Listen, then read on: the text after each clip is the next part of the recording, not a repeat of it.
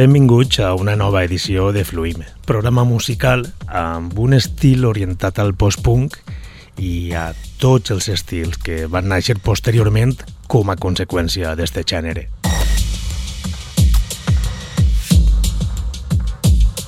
Avui comencem, podríem dir també amb, amb uns pioners, perquè encara que el nom de l'EBM com a estil va ser acunyat en 1984 per Front 242, abans ja hi havia una altra banda que portava uns quants anys en actiu donant-li forma al que després va ser l'EBM.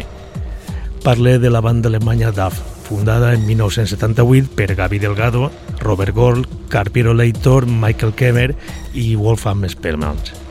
Encara que un parell d'anys després els únics que passaren a integrar esta banda van ser Gaby Delgado i Robert Gold. Desgraciadament, Gavi va faltar el 22 de març de 2020, justament una setmana després de faltar també Genesis Pio Rice de Throbbing Grisel. En tan sols 8 dies moriren dos dels personatges més inspiradors de l'escena industrial i post-punk. En 1981, Duff va publicar Alice is Good, el que per a mi és un dels millors discs de totes aquestes bandes que poden classificar com a precursores de l'EBM. Abans, Duff ja havia publicat un parell d'àlbums en 1979 i en 1980 respectivament. Però és en Alice Good on trobem temes tan mítics d'esta banda alemanya com Der Mussolini. Va ser amb este àlbum quan es va reduir la banda a només Gaby Delgado i Robert Gorl i L'èxit també es va vindre perquè acabaren firmant este treball amb la discogràfica Virgin Records.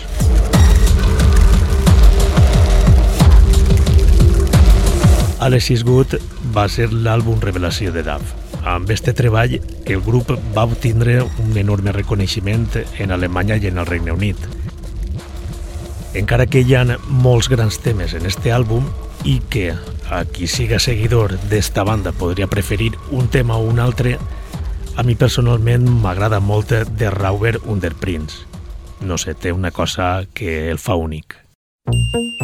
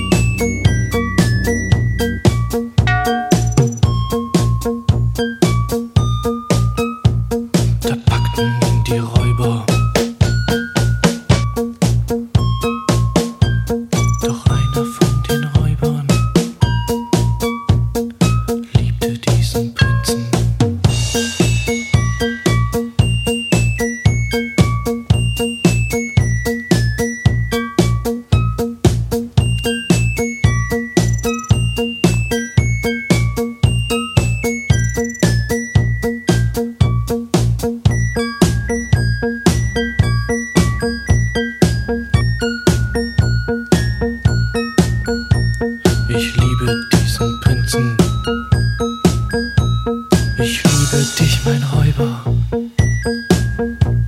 Ich liebe dich, mein Räuber.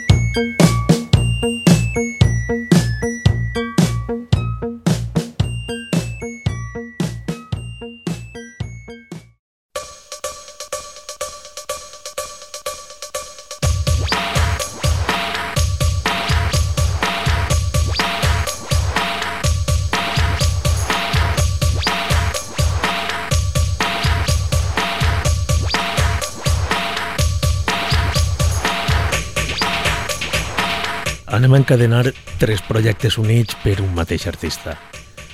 Thomas Luke va ser un dels fundadors de Invisible Limits junt a altres membres com Andreas Kurzmeister, Ralf Schauf i Marion Kurzmeister. La banda va tindre molta presència en Espanya. De fet, així en França va ser on més demanda d'actuacions van tindre. I en València no cal ni recordar el que van representar als 80 amb temes tan icònics com Devil Dance o Golden Dreams. Invisible Limits va publicar el seu primer llançament en 1985 i en 1986 llançaren el single Devil Dance. Este single va ser l'últim en el que va participar Thomas Ludwig. En la cara es poden trobar que en la pista original està cantada per ell i els dos talls que apareixen en la cara B qui posa la veu és Mario Kussmeister, que és qui va substituir com a vocalista Ludwig. Devil Dance és un tema que Thomas Luke va gravar i cantar després amb la seva nova formació. Este tema és el que encapçala el single, però les dues pistes de l'altra cara, cantades per Marion, són també dos grans temes. Anem a escoltar Thugs, tema de Invisible Limits cantat per Marion. Nature,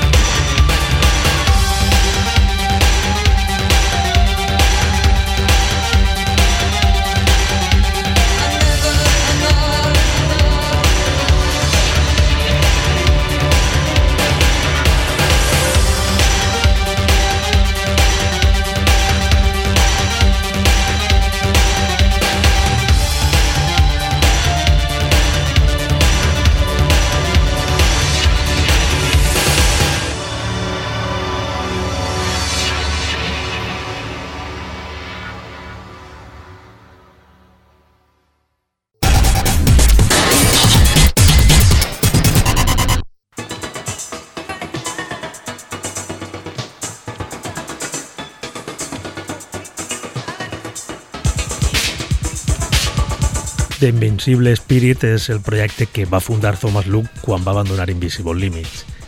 I realment es va notar prou que gran part del talent d'Invincible Limits era conseqüència de Thomas Luke perquè en el mateix any d'abandonar la banda va publicar Push, un tema que li va portar un èxit enorme i el va posicionar en l'escena musical obscura alemanya. The Invincible Spirit eh, ha estat sempre format per dos membres. La dona de Lut, Anja Borel, és qui es va fer càrrec dels teclats, encara que per als directes solien comptar amb els músics. Destacar que té alguns temes mítics com Showdown i diversos àlbums que també són obres mestres. Entre ells cal recordar The Rollercoaster Revolution, publicat l'any 90. Everybody Should Know és un dels temes que formen part d'este àlbum.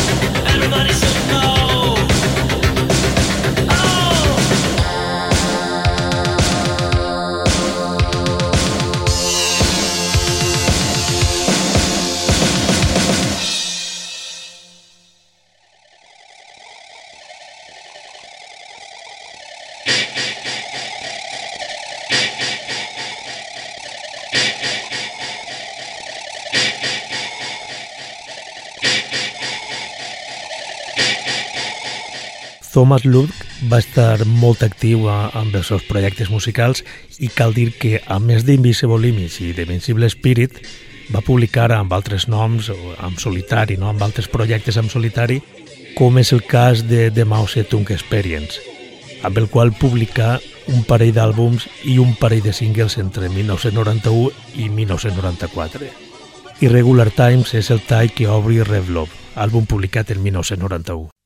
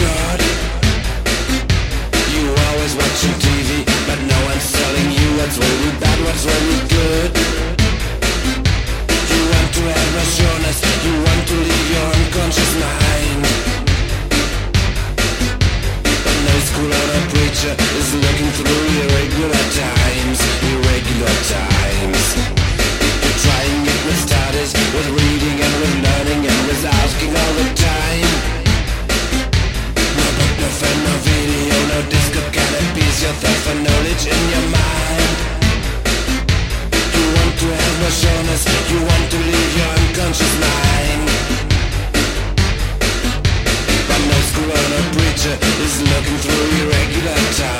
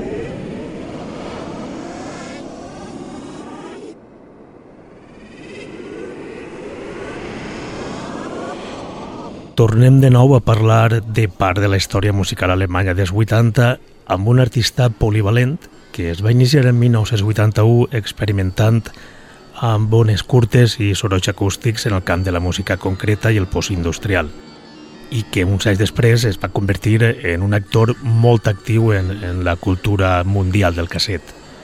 Ell és Sigmar Frick i segur que molts el conegueu pels distints projectes dels que ha format part i continua encara formant.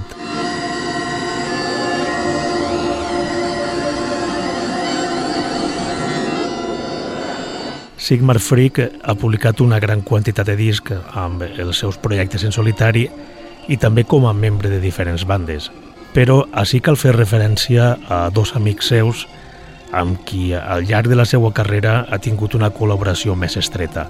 En el primer cas em referisc al madrileny Miguel Ángel Ruiz, amb qui, a més de publicar uns quants treballs al seu setxell Thoracic Tapes, també ha treballat de manera més estreta en projectes com Ambulatorio Segreto, L'altre amb qui també ha tingut una relació laboral prou estreta és eh, Dieter Mawson, amb qui ha treballat durant més de tres dècades mà a mà amb Delta Sleep Inducing Peptide.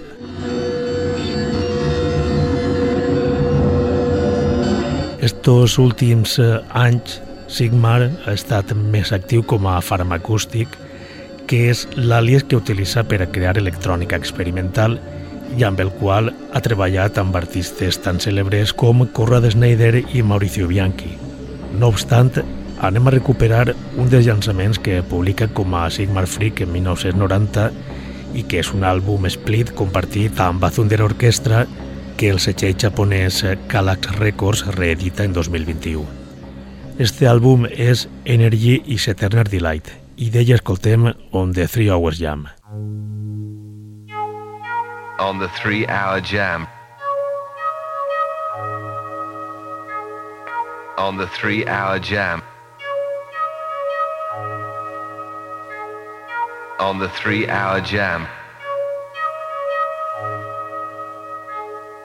On the three hour jam.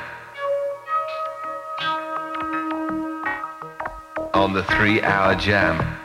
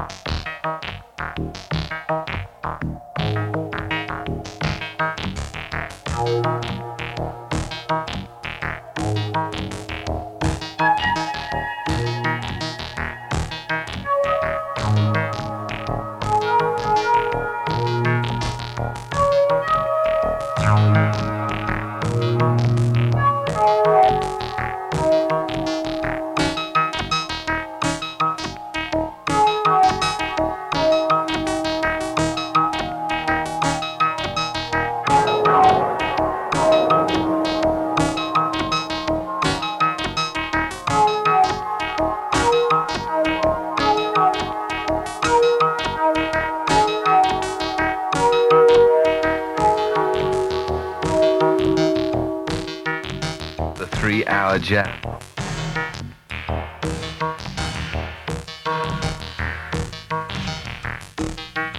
On the three hour jam. On the three hour jam.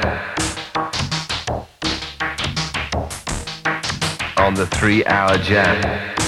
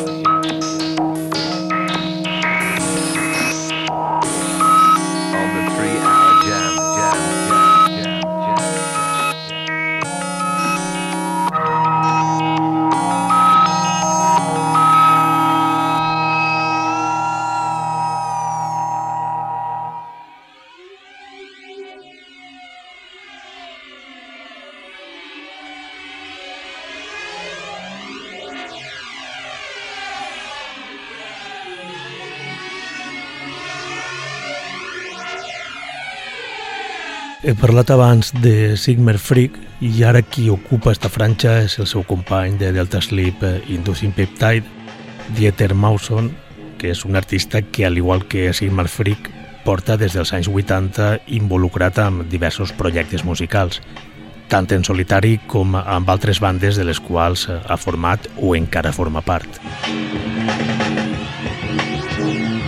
A Dieter Mawson el podem eh, recordar per ser, junt a Stefan Heinze, un dels dos membres de Nostalgia Etern, projecte que va arrencar a mitjan dels 80 i que es va tornar a reprendre en 2009. De fet, prompte la plataforma valenciana Industrial Complex publicarà un llibre sobre Nostalgia Etern i també un àlbum que escoltarem en una pròxima edició de Fluim.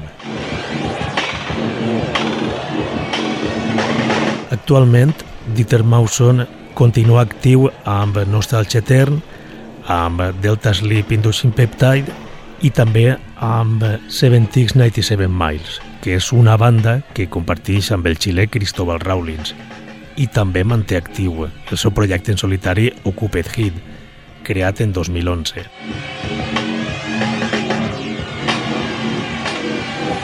I amb Occuped Hit publica en 2019 un àlbum anomenat Steady, al setxell d'Almeria, propietat de Josep Maria Soler, Wet Dream Records.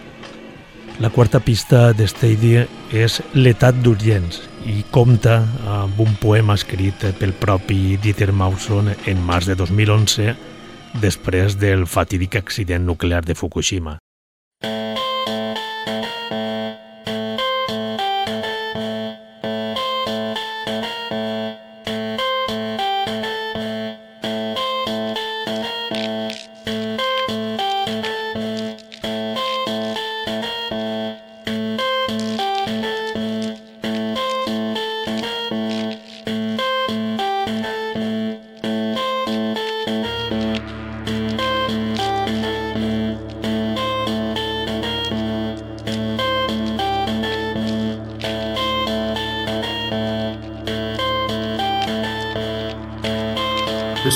Masses, l'état d'urgence, quand plus rien n'a cours de ce qui avait cours hier.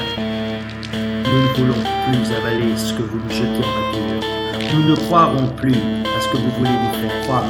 Le soulèvement des masses, l'état d'urgence, quand nous crions la vérité, vos boniments se font toujours plus discrets. Quand enfin nous nous réveillerons, c'en sera terminé de votre tranquillité. Voyez combien nous sommes nombreux lorsque nous descendons dans la. Une technique qui ne se laisse pas donc définira par nous maîtriser tous. Nous ne sommes plus disposés à courir ce risque que vous faites endosser à l'humanité. Vous ne pensez qu'à votre profit, pas à l'avenir irradié que vous laisserez derrière vous pour l'éternité.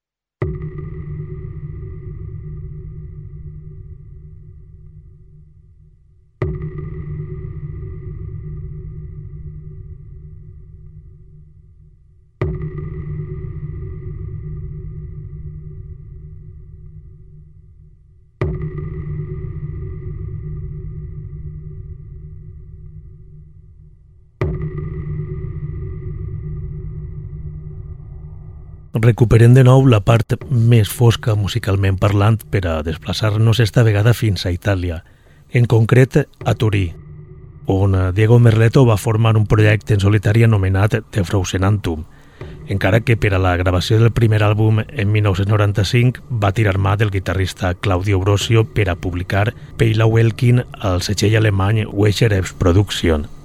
Este àlbum va ser molt ben rebut per tota la parròquia de l'ona gòtica i obscura.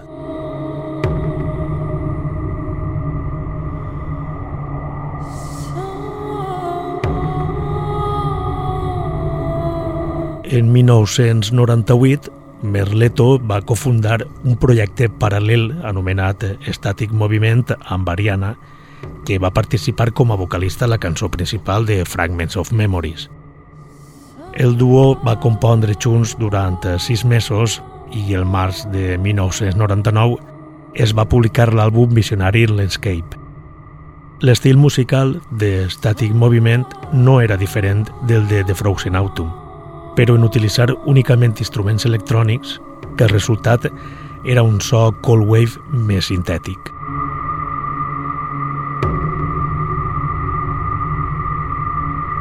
La col·laboració va resultar fructífera per a les dues parts i Ariana es va convertir en un element permanent de la formació de The Frozen Autumn, mentre que Static Moviment eh, va continuar sent el seu projecte de recerca conceptual. Tornem als inicis de The Frozen Autumn per a escoltar Oniria, pista que s'inclou en Pale Awakening.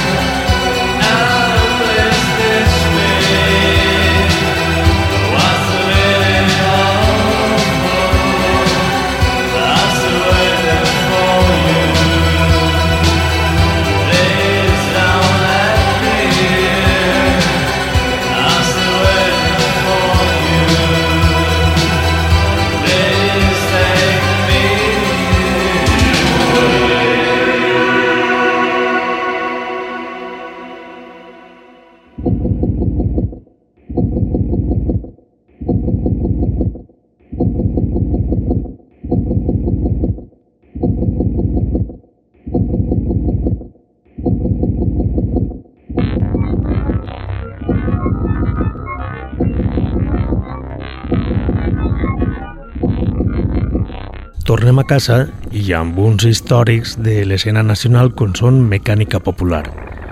Duo format per Luis Delgado i Eugenio Muñoz, que va néixer a finals dels 70, encara que no es va formalitzar amb un primer llançament fins a 1984.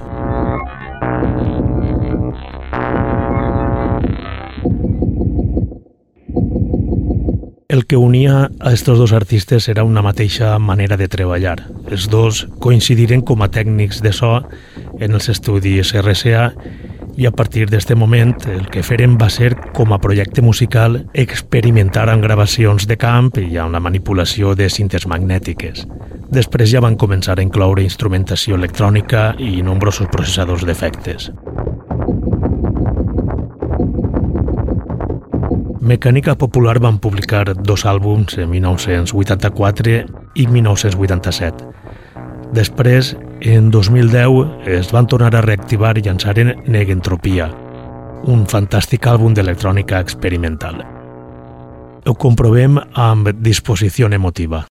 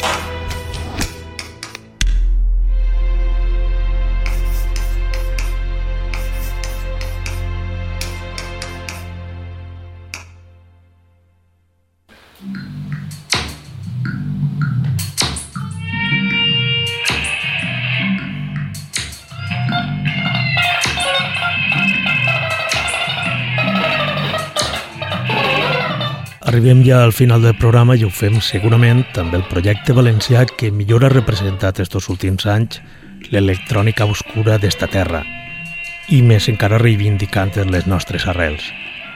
Ells són We Are Not Brothers, que és una banda originària d'Alcoi que es va formar en 2006 i que s'autodenominen com postindustrials, anarquistes i revolucionaris. Per este projecte han passat diversos membres. Pot ser el més actiu ara mateix siga Damià Llorenç, qui estos dies ha estat presentat del seu últim àlbum com a Braxas, que és l'àlies que està utilitzant últimament, ja que abans, i degut també al Covid, es va anomenar pandèmia.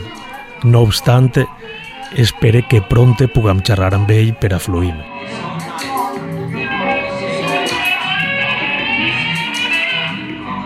We Are No Brothers té publicats tres àlbums entre 2009 i 2018 i l'últim, anomenat 3, es va publicar al setxell català Oráculo Records i va ser un grandíssim èxit de vendes. Si no recorde mal, es va esgotar en molts pocs dies.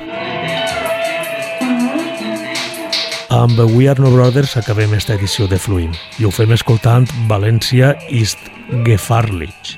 València és perillosa. Fins una pròxima edició de Fluim. Salutacions de Ximo Noguera des del Cira Ràdio i per a la xarxa d'emissores municipals valencianes. Valencia es, junto con Ibiza, uno de los paraísos de la música máquina. Allí existe un recorrido llamado Ruta Destroy que permite encontrar ininterrumpidamente discotecas abiertas durante 72 horas.